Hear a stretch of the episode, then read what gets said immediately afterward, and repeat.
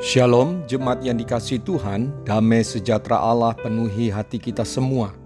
Firman Tuhan hari ini diambil dari 1 Korintus pasal 12 ayat 3. Demikian firman Allah.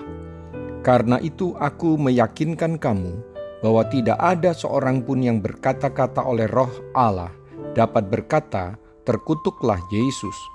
Dan tidak ada seorang pun yang dapat mengaku Yesus adalah Tuhan selain oleh roh kudus.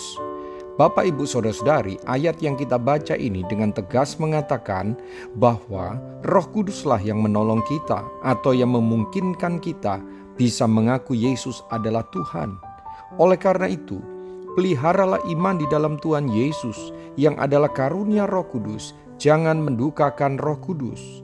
Roh Kudus yang ada di dalam kita, Dia adalah pribadi yang membimbing kita ke dalam seluruh kebenaran Allah Selain membimbing kita ke dalam seluruh kebenaran Allah, Roh Kudus juga membimbing kita untuk melakukan seluruh kehendak Allah.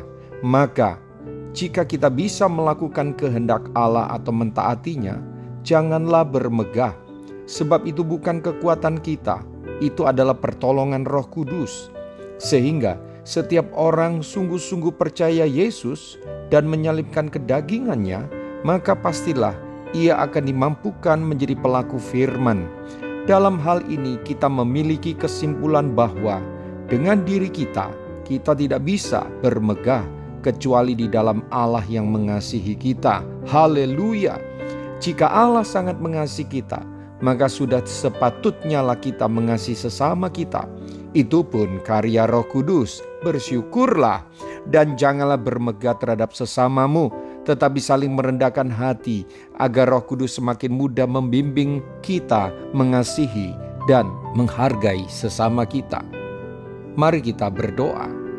Tuhan Yesus, saya bersyukur sebab saya semakin diperkaya dengan pemahaman rohani yang Engkau singkapkan.